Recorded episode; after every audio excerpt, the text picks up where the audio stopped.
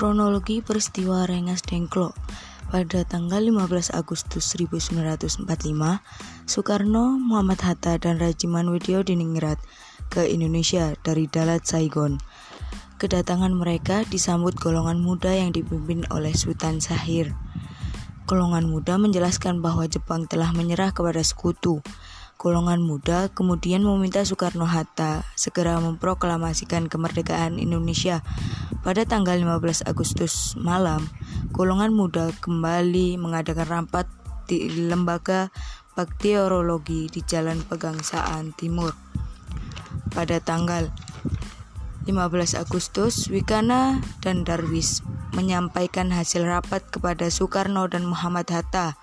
Oleh karena penolakan Soekarno, golongan muda mengadakan rapat di asrama Paperpi di Jalan Cikini nomor 71 Jakarta. Dalam rapat, Johan Nur mengusulkan membawa Soekarno dan Muhammad Hatta ke luar kota agar tidak mendapat pengaruh dari Jepang. Pada tanggal 16 Agustus, Soekarno dan Muhammad Hatta dibawa para pemuda ke Rengas Dengklok.